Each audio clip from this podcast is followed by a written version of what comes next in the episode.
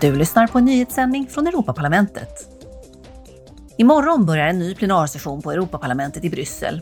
I en debatt med ordförandena Charles Michel och Ursula von der Leyen utvärderar ledamöterna resultaten från EU-toppmötet i oktober.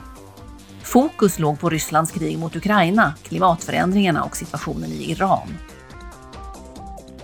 Energikrisen ska också tas upp på plenarsessionen.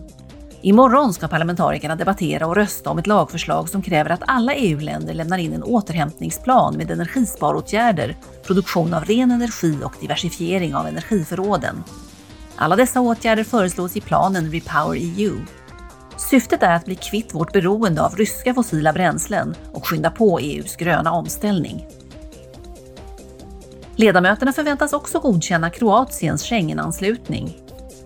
De kommer troligtvis att enas om att landet uppfyller de nödvändiga villkoren för att anslutas till det passfria området. Efter parlamentet är det rådet som enhälligt ska besluta att ta bort gränskontrollerna mellan Schengenområdet och Kroatien. Du har lyssnat på en nyhetssändning från Europaparlamentet.